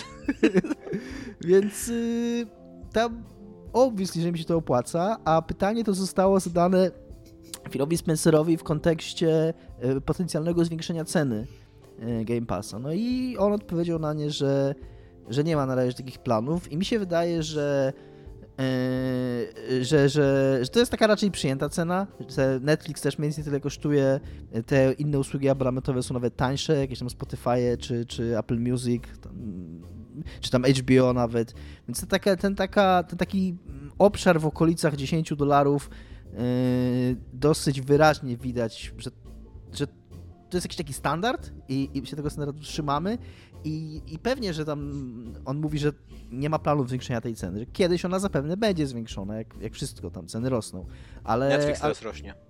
no, tak? Ale nie wiedziałem. Tak, o dolara czy dwa ma wzrosnąć, no. Więc tam mm, jakoś tam powoli będzie rosnąć, ale to tak właśnie razem, razem z rynkiem i z inflacją i ze wszystkim, a, nie tak, że ktoś, ktoś nagle stwierdzi, że te 10 dolarów to, e, to było tak, tak, że od, odkryje, o Boże, jak, jak to się stało, jak to się stało, że my tracimy na tym pieniądze, podwójcie to w ogóle. tak. Nie, mi się bardzo podoba to, jak Tomek powiedział, że jak to się stało, jest takie spotkanie Microsoftu, w sensie tam on the top, no, w takiej sali konferencyjnej i mają taką a, taki, taki wykres i taka linia leci w dół, ale tak masakrycznie w dół, już tam na czerwone jeszcze niżej i to po prostu trzy znaki zapytania i wszyscy się na to patrzą i tak jak, co się dzieje? Co się staje, jak, znaczy jak X-Men mówił po polsku. Więc, y, więc tak. Y, Druga rzecz, która jest, y, którą on tam zwraca uwagę w tej rozmowie i która jest dla mnie osobiście bardzo ciekawa, jeżeli chodzi o Game Passa, i to chyba już wspominaliśmy o tym u nas w podcaście, że, że on mówi, że jemu zależy na tym, y, że, że Game Pass jakby pozwala im tw- tworzyć i wydawać gry, które, które inaczej być może mogłyby się nie ukazać, albo jakoś tam poszerzać po prostu pulę potencjalnych gier. I to jest super ciekawe dla mnie, na ile właśnie ta usługa pozwoli silniej istnieć takim średnim grom, takim grom AA. Takim, takim przykładem e, sztandarowym, game passowym było Outer Worlds. Nie? I jakby, że więcej takich gier, że teraz właśnie kiedy, kiedy y, to jest abonament, który po prostu płacimy tak czy inaczej i te 150 baniek Microsoft ma, to oni mogą inwestować i mogą y, finansować gry, które tam nie kosztują 150 czy 200 milionów gra, tylko na przykład kosztują 20 milionów i to jest taka mniejsza gra, ale wciąż jakoś tam z takiej sfery powiedzmy wy- wyższobudżetowej, e, która nie sprzedałaby tam 10 milionów egzemplarzy, ani nawet 6 milionów egzemplarzy, ale w obrębie tego Game Passa jako część usługi, jako coś, co sprawia, że ta usługa jest bardziej różnorodna, a jak usługa bardziej jest różnorodna, to osoba, która ją opłaca, jakby więcej osób trzyma, trzyma przy usłudze, nie? No bo jak masz różnorodność, no to większa, jakby mniejsza szansa, że ludzie przestaną to opłacać, nie? Więc to jest super ciekawe i to jest, to jest coś, co mi się mega podoba. Wiesz na co ja trochę liczę, jak sobie czytałem o tym, w tym temacie? E, na to, żeby Microsoft zrobił coś takiego, jak robi Netflix już i na HBO też robi i Kanal Plus robi to już od dawna, żeby się tak zainteresował lokalnymi rynkami, lokalnymi twórcami po to, żeby zwiększać e, subskrypcje na lokalnych rynkach. I to by było fajne, jakby Microsoft zaczął wchodzić w takie jakieś, nie wiem, polski, wiesz, szukać polskich devów, francuskich devów, żeby, wiesz, żeby było więcej Polaków kupowało, więcej, więcej Francuzów kupowało i tak dalej. Ciekawe, czy to, czy to w ogóle by zadziałało w Game Passie, który chyba, nie wiem, giereczkowo się wydaje bardziej globalne niż oglądanie telewizji. Jednak chyba widz, widz telewizji z Polski jest bardziej otwarty na polskie produkcje niż tam gracz z Polski, któremu chyba raczej tam średnio wisi, czy gra w pol polską czy amerykańską grę. Ale jakby tak, jakby tak było, to by było bardzo, bardzo fajne i bardzo... Tak. Bardzo mnie tak, to no cieszyło. i właśnie i to jest w ogóle tak, zgadzam się i, i jest Moglibyśmy to... w końcu oprzeć na jakimś innym filarze nasz rynek niż tylko CD Projekt Red. Że jest to... Gothic że jest... 2021. że, pomijając, że pomijając takie tam e, fanboystwo, czy nie fanboystwo, czy tam, czy lubimy tego Inkpata, czy nie lubimy, obviously lubimy, bo mamy mózgi, e, ale ten, ale... Wow. E, ale jest, jest to faktycznie, jest to o tyle ciekawe, że to nie jest tylko tam, już, już, od dawna wiadomo, że to nie jest tylko jakaś tam usługa abonamentowa, jak, która jest jakimś tam dodatkiem do Xboxa, tylko to jest coś, co faktycznie będzie miało jakiś wpływ na rynek, co, co jakoś tam ukształtuje to, jakie gry będą wychodziły, jakie gry będą wydawane i to będzie bardzo ciekawe patrzeć, e, co się będzie działo przez te najbliższe lata wokół tej usługi. A drugi temat, niejako przy okazji, w rozmowie z Kotaku z kolei, i to już jest takie coś, co jest dla mnie takie. Ee. Phil Spencer e, powiedział również, pytany o to, czy gry Bethesdy, czy to, że Bethesda jest teraz Microsoft Game Studios, oznacza, że gry Bethesdy nie będą się ukazywały na PlayStation 5. I on odpowiedział na to, że e, że jakoś tak, jakoś tak naokoło, że oni nie muszą ograniczać tych gier do Xboxa. Nie, przepraszam, na odwrót, na odwrót. Że nie muszą sprzedawać tych gier na PlayStation 5, żeby zakup Bethesdy mi się opłacił. Że, że jakby nie powiedział, że te gry się nie ukażą na PlayStation 5, ale powiedział, że nie muszą się ukazać, żeby yy, im się opłaciło kupienie Bethesdy. No to jest takie tam super oczywiste, w sensie oni nie kupili tej Bethesdy, żeby inwestować w Bethesdę. To, to nie jest tak, że Microsoft potrzebuje inwestycji w Bethesdę. Ten, to kupno Bethesdy było dla nich inwestycją w Xboxa i w ich y, i w jakiś tam ekosystem i w Game Passa i, i, i więc y, tam ja w ogóle no będę zadziwiony, jeżeli, jeżeli te gry, pomijając te, które już mają jakieś umowy podpisane i tak dalej, jeżeli one się ukażą na PlayStation 5. To nie chodzi tutaj o bycie tam dobrym dla graczy, czy niedobrym, czy cokolwiek, tylko po prostu, kurde, to po co by ją... Business is business to business. Po co by mieli kupować Bethesdę, żeby, żeby wydawać gry Bethesda na PlayStation 5? Nie wiem. E, ale... Znaczy, wiesz, no, y, jest taki argument właśnie czysto biznesowy, że być może y, taka gra sprzedałaby się na PlayStation 5 tak dobrze, że byłoby to opłacalne. Jakby, jakby... No ale właśnie o to mi chodzi. To będą, to będą decyzje, które będą tym kierować, a nie to, czy chcemy być dobrzy dla graczy. No tak, tak, ale jeżeli oni... stwierdzą, że ej, słuchajcie, okazuje się, że zrobiliśmy badanie rynku i Skyrim 2 E, może ukazać się na e, tym, na PlayStation 5 i to się totalnie dużo bardziej opłaci niż ludzie kupią więcej Xboxów, no to pewnie to zrobią, ale nie zrobią tego dlatego, ej słuchajcie, Kevin z Kentucky chciałby pograć e, w Skyrima 2, a ma tylko PlayStation 5, czy tak, zróbmy to dla Kevina, dajesz Phil, dajesz, wu. Nie no, tego tak nie ja, zrobią. Ja, no. ja jestem raczej przekonany, że że tak na chłopski rozum, że ten zakup tych wszystkie zakupy studiów, które Microsoft w ostatnim czasie poczynił i które ogłaszał, ogłaszał, zwróćmy uwagę, bardzo konkretnych momentach. Zakup Bethesdy został ogłoszony w dniu uruchomienia preorderów Xboxa Series X i S. To są zakupy, które ewidentnie, tak bardzo wyraźnie yy, mają pokazywać graczowi, że ty chcesz mieć Xboxa, żeby grać w gry Bethesdy. Więc mhm. wydawanie teraz tych gier, znaczy to się może wydarzyć, ale bardzo. Ale wiesz co, mnie, wiesz, co mnie zastanawia? Taka sytuacja potencjalna zupełnie, która podejrzewam, że się nie wydarzy w ogóle. Ale załóżmy, że jakimś cudem gracze znowu by poszli w kierunku PlayStation 5 i byłoby zupełna nierównowaga rynkowa. 40 milionów sprzedanych Xboxów chyba jest teraz, tak, około, a 150 sprzedanych PlayStation. I że to by było też w nowej generacji. No to być może w takim scenariuszu jednak Microsoft by stwierdził, no okej, okay, warto wydać Skyrima nowego na PlayStation, bo zarobimy tak. na tym kupę kasy, co nie? Po prostu, bo rynek jest okazji- dużo większy. No tak. No, jeżeli, jeżeli coś takiego się wydarzy, no to, no to tak, no to może tak być. Plus może to być też takie, e, wiesz, oni od jakiegoś czasu też bardzo wizerunkowo starają się nadrabiać to, co, to, co stracili na Xboxie One.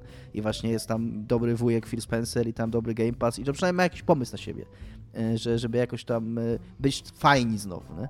Więc jeżeli to się nie uda, jeżeli mimo wszystko PlayStation 5 będzie miało taką przewagę, jak teraz ma PlayStation 4, no to być może też właśnie danie tego Skyrima temu plebsowi PlayStationowemu. Wow. Żartuję oczywiście. Ja też korespondent Xboxowy wcale nie jest biased, jakby co. To nie, jest, to nie jest tak, że Dominik, to nie jest tak, że Dominik wyrósł z wojen konsolowych, Dominik po prostu jedno, jednoosobowo ogłosił całkowite zwycięstwo Xboxa. A jeszcze liczył głosy Dominik. Chciałem coś jeszcze powiedzieć, e, ale zapomniałem. Aha, wiem. To jest coś, co Tomek, na co Tomek zwracał uwagę, kiedy rozmawialiśmy prywatnie. To było w kontekście, e, kontekście możliwości pojawienia się nowego Fallouta od Obsidianu. I to przy okazji tych mm, właśnie tych różnych doniesień i wywiadów Phila Spencera i mówieniu o Bethesdy i tak dalej powróciło. W sensie nie powróciło, tylko ja czytam takie rzeczy, które, o których my wtedy, ty wtedy wspominałeś konkretnie, że to jeszcze nie do końca jest done deal, za przeproszeniem. Y, Jeszcze Microsoft ma. y, Nie jest tak, że Microsoft w tej chwili już może mówić Bethesdzie, co ona ma robić, i, i Bethesda musi to tak robić. Jak ten. Oni wciąż są w pewnym sensie niezależnym bytem. I, I też być może po prostu Phil Spencer mówi tak, jak mówi, i jest taki nie- niekonkretny, nie mówi wprost, że będzie bądź nie będzie, bo być może nawet jeszcze nie może o tym zdecydować. Bardzo często y, te umowy są strasznie skomplikowane. No to jest umowa za 8 miliardów, tak? Z tego co pamiętam. E, więc bardzo często bywa, że te takie kon- konglomeraty biznesowe, no to nie jest tak, że, że jest po prostu jeden, jeden człowiek na górze, który ma władzę absolutną i może każdej firmie powiedzieć, co ma robić. Tylko to są, to jest raczej taki ekosystem właśnie, że te firmy działają y, ze sporą autonomią i, i, i często nie można im powiedzieć, tylko na przykład muszą wypłacać ileś tam mm, kasy, co nie, spółce matce i tak dalej. Tak. Więc być- Ja chcę być tym typem na samej górze, żeby mówić firmom, co mają zrobić.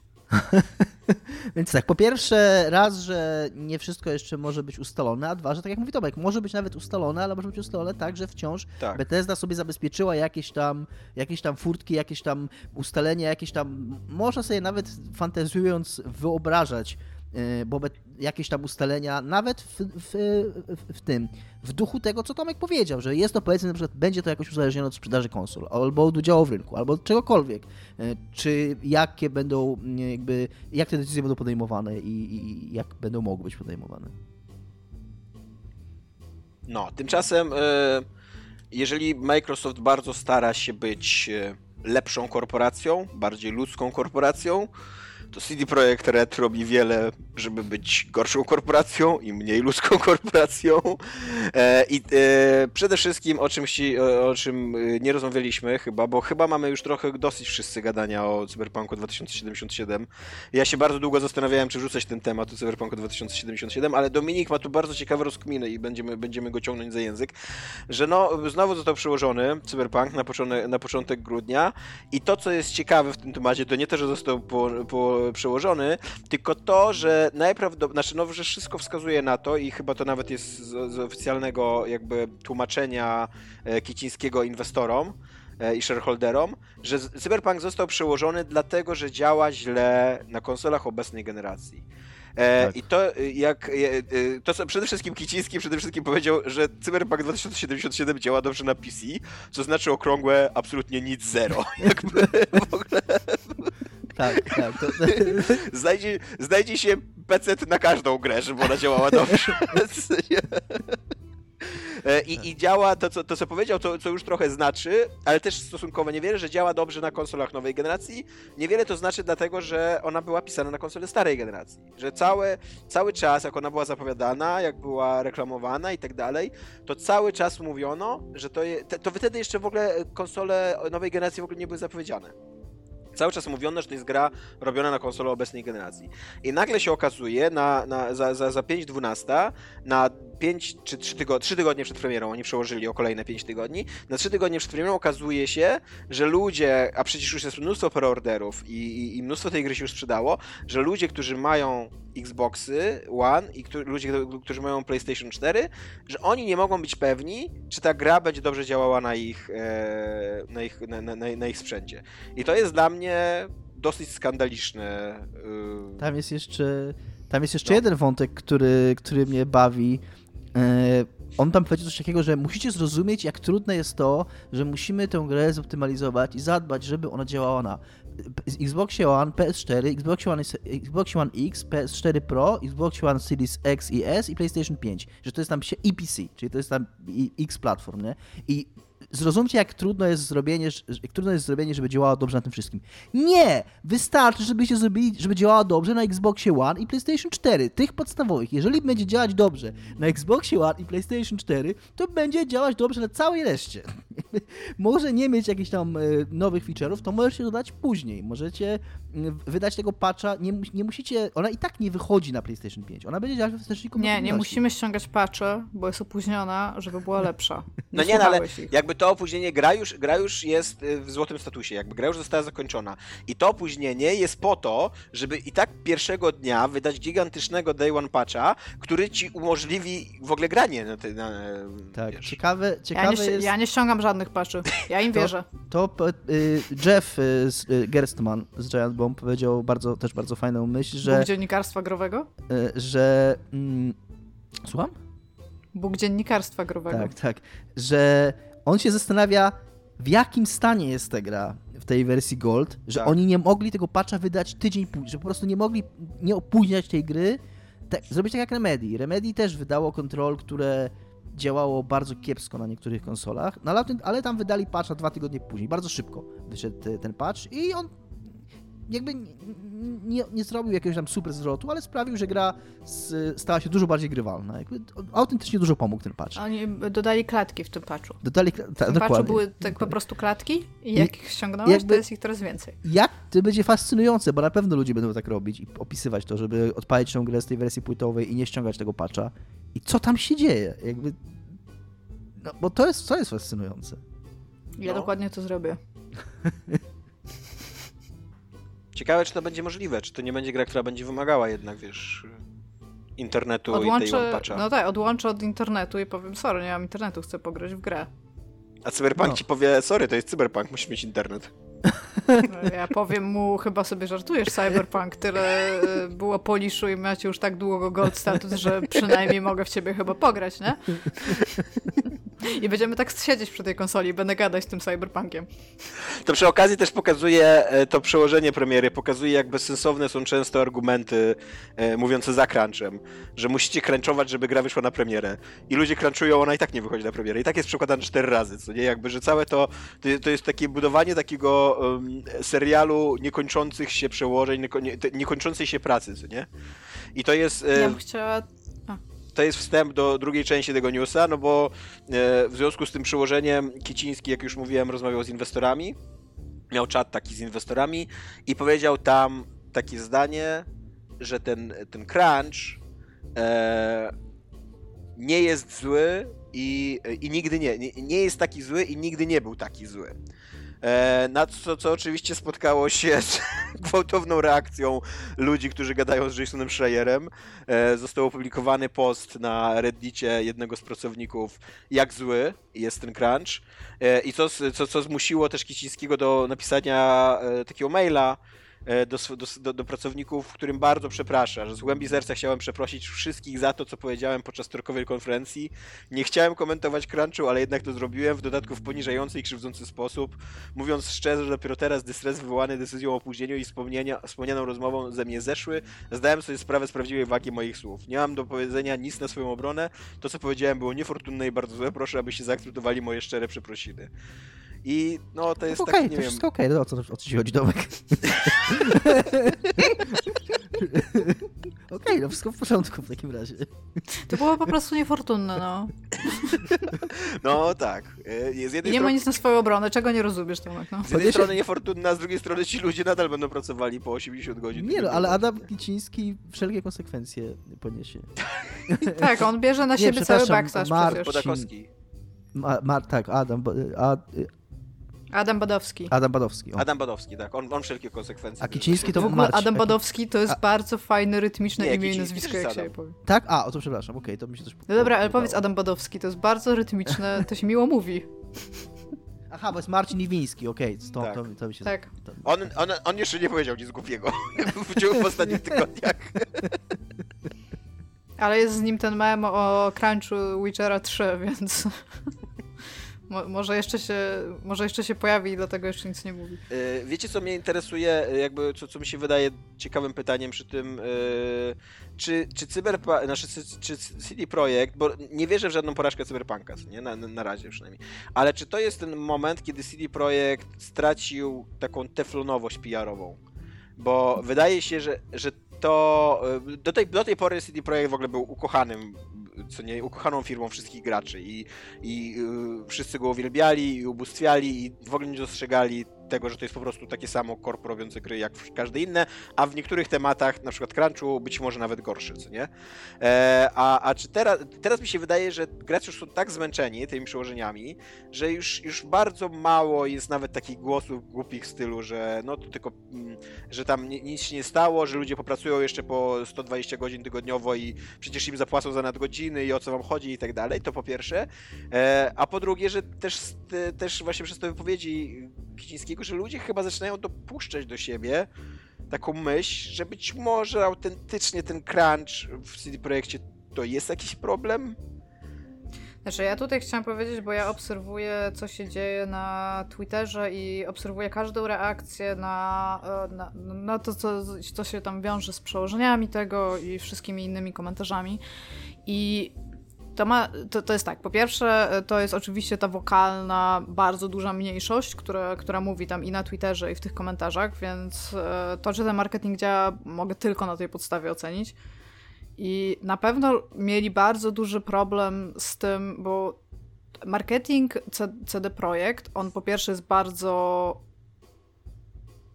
efektywn, efektywną, tak? Efektywną, nie efektywną machiną. Oni osiągają swoje rzeczy przez jakby memizowanie e, tego, co się tam dookoła dzieje, nie? I był, był bardzo duży problem z tym, że e, podczas e, tam mniej niż 24 godziny przed zapowiedzianym opóźnieniem ziomeczek się zapytał ich na Twitterze, ej słuchajcie, czy mogę na pewno wziąć na ten dzień urlop, żeby sobie pograć i oni powiedzieli, i to mówię, dwa, mniej niż 24 godziny przed tym, kiedy przełożyli, powiedzieli oczywiście, że tak. Bierz totalnie 100% gwarantowany, chyba tak dokładnie napisali. No i on wziął ten urlop. I automatycznie po tym, kiedy opóźnili to, oni, y, w sensie Cyberpunk 2077 jako profil ten marketingowy PR-owy odpisał well fuck. Znaczy, no oczywiście to fuck było tam ocenzurowane, to co się Tomkowi tak bardzo spodobało, jak źle było ocenzurowane. No, ale ten, ale na, napisali to. I ja myślałam, że ludzie to po prostu zjedzą i stwierdzą, ale śmiesznie napisaliście, ale super. Ale nie było chyba ani jednego pozytywnego komentarza pod tym, jak ja to sprawdzałam dwie doby po jeszcze. Wszyscy byli oburzeni faktem, że w ogóle coś takiego zrobili i mówili o braku komunikacji, mówili o tym, w sensie zauważyli w końcu, że to nie jest e, postać Cyberpunk 2077, którą kochają i która jest dzieckiem e, drugiej innej postaci, która też e, ma twarz i w jakiś sposób jest człowiekiem, czyli CD Projektu Red. Tylko po prostu określili to jako bardzo niefajne zagranie i że nie, nie powinni po prostu coś, czegoś takiego robić, szczególnie, że totalnie nie musieli odpowiadać na tego tweeta tak naprawdę, nie? I e, potem, e, tydzień później, CD Projekt e, wrzucił taki film. Jest taki film, gdzie typ chyba robi fondue albo coś takiego. W sensie bardzo mu nie wychodzi, taki, taki memiczny, krótki filmik. Bardzo mu to nie wychodzi, dostaje tym serem, tym taką masą serową tam w czoło, jak to robi i jest po prostu coraz gorzej. I oni napisali, jeżeli zastanawiacie się, jak wyglądał nasz poprzedni tydzień i wrzucili ten filmik, że mieli taki straszny backstash po tym, co się stało, nie? I ten...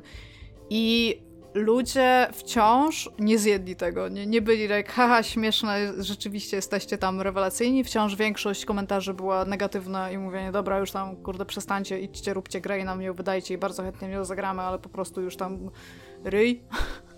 to wciąż pojawiają się takie głosy na zasadzie, a haha, oni potrafią ze wszystkiego wybrnąć, jak to dobrze, y, fajnie być waszym fanem, macie moje więcej moich pieniędzy, gdzie mogę je wpłacić, wyślijcie konto, proszę. Znaczy, ale serduszko, wiesz, serduszko. To, to może wynikać trochę z, z tego, że y, teraz już nie jest fajnie być fanem Cyberpunka 2077, bo, bo fani Cyberpunka 2077 nagle stają przed ewentualnością, że gra, której są fanami, nie będzie działać na ich sprzęcie, albo będzie działać źle. No, ale wciąż jakby będzie działać i będą wdzięczni CD-powi, że zrobił tą grę. Mam nadzieję, że nie. Znaczy, ja też mam taką nadzieję, ale wciąż mówię, jakby to jest, to jest wokalna mniejszość, nie? Na Twitterze i na Reddicie i coś takiego. I tam się pojawiają te głosy, o których ty mówisz, że ludzie już są tym zmęczeni, że bardzo wiele z tych głosów tak naprawdę już od jakiegoś czasu mówiło o tym, że, że ten marketing ploy tam działa, ale no już tam nie i przestańcie, już tego nie potrzebujemy itp. itd. Ale no wciąż sądzę, że to jest tam po prostu kropla w morzu takich die hard fanów, jak bardzo, bardzo, bardzo, bardzo długo miał Blizzard. I niestety po przykładzie Blizzarda, który od bardzo, bardzo dawna nie lubię po prostu tej firmy, z tymi ludźmi jest bardzo trudno rozmawiać. Ich argumenty są bardzo emocjonalne, nie są zupełnie w ogóle zbudowane na racjonalnych rzeczach.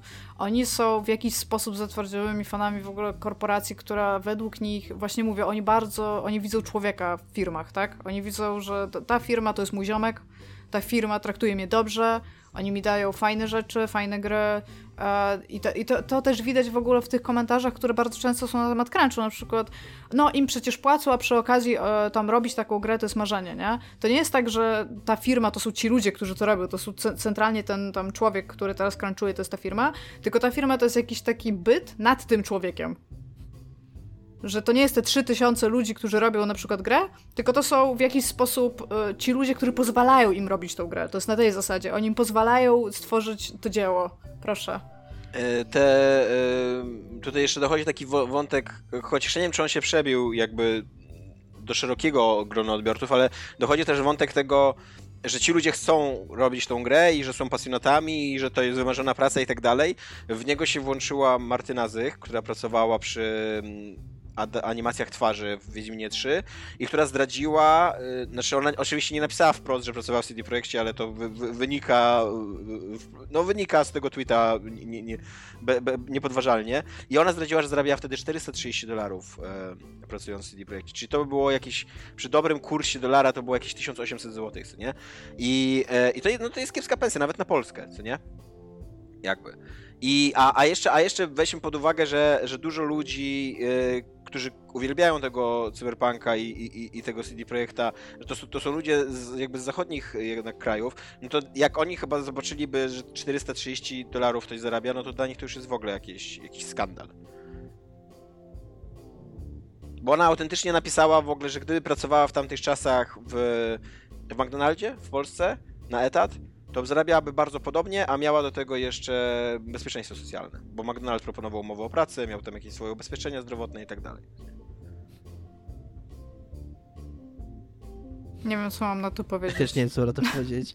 Jakby y, tak, w game devie bardzo często zarabia się nieproporcjonalnie dużo mniej niż gdzieś indziej. Tak, ludziom się wydaje, że game dev to jest IT, co nie? Bo, bo grasz na komputerze. Znaczy, bo to jest właśnie to jest najgorsze, bo to bardzo często jest IT, ale z drugiej strony to już jest tak. game dev. To, tak. to jest cool. To jest, nie, to, to jest, to jest cały, y, cały bullshit i wymagania IT y, bez profitów finansowych i, i, i, i jakichś i, i, no i podobnych, które daje IT. W sensie wszystko, co złe w IT, bez tego, co dobre w IT. Trochę tak, bo ja jestem centralnie przecież z IT przyszłam do game devu i tak. Powiem tak, e, moja pierwsza pensja była bardzo bolesna. No. Taki wesoły, szczęśliwy temat. E, proponuję Iga, jako że już jest późno, żebyśmy twój KDA przyłożyli na za tydzień, pogadankę. O nie. To bo... posłucham sobie więcej K-popu. no, bo jeszcze MC Pumpernikiel w tym odcinku tak, e, mam, się pojawi. Mam MC Pumpernikla. Więc, tak. Więc mimo wszystko oddaję ci mikrofon i dajesz. Dzięki ziomek, DJ spin that shit. Ja, się, ja nigdy tego nie powiem ze straight face, naprawdę. To po prostu ostatnio, ostatnio Tomek słuchał kilku tych moich wcześniejszych rapów i ja się non-stop na samym początku śmieję, co automatycznie w ogóle podkopuje mój wizerunek sceniczny i bardzo, za to przepraszam. No, ale co tam? Mam dzisiaj takie, takie tam, takie rapsiki bym powiedziała, że mam, nawet nie jakieś rapsy konkretne. Uwaga. Sojusz? Śpi. Okej. Okay. Gdybym mogła ja aborcję przeprowadzić na mnie samej, to czym prędzej bym poddała się zabiegom wieszakami, owoc gwałtu polityki i ustaleń duchowieństwa wiary, której nie wyznaje pełnej kłaństw i bezeceństwa, wraz z mamusią, która wciąż się ogranicza do ćwiartówek w ciepłym domu, grzanym śmieciem, wychowana za pięć stówek. Drugi język? Tak, łacina. Przyniesiona wprost z podwórka, lecz przynajmniej dom hetero, a nie jakiś gejów córka. Ma moralność katolicka, kierowana księgą może. Ważne, żeby tatuś nie miał konsekwentnie coraz gorzej. może on tu już nie mieszka, znalazł sobie lepszą mamę, ale praw mu nie obywa. My walczymy o nie same. Dziecko musi się urodzić, nie jest ważna sytuacja, do, co do której jest sprawdzana. Tu istnieje jedna racja. Moja mama, bohaterka, urodziła mnie i trzyma. To, że lekarz dał zły wynik, przecież nie jest to jej wina. Może nie stać ją na leki albo rehabilitację. To za mało, żeby zmienić obowiązującą rację.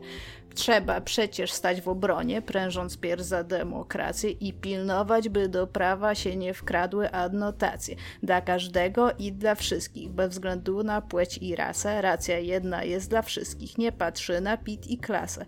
I prezydent, i sprzątaczka, i kibole, i poeci, wszyscy, no dosłownie wszyscy powinni urodzić dzieci. I urodzić, trzymać, kochać, dbać po serca same szczęty. Nie oddawać dziecka lesbom, ale wysłać na chrzest święty. Jestem żywa, więc spełniona, nic mi więcej nie potrzeba. Ani prawa, ani taty, ani szkoły, ani chleba. Dużo lepiej się urodzić, nic nie poznać, co to bieda. Nie mieć kasy, nie mieć domu, się urodzić i żyć trzeba.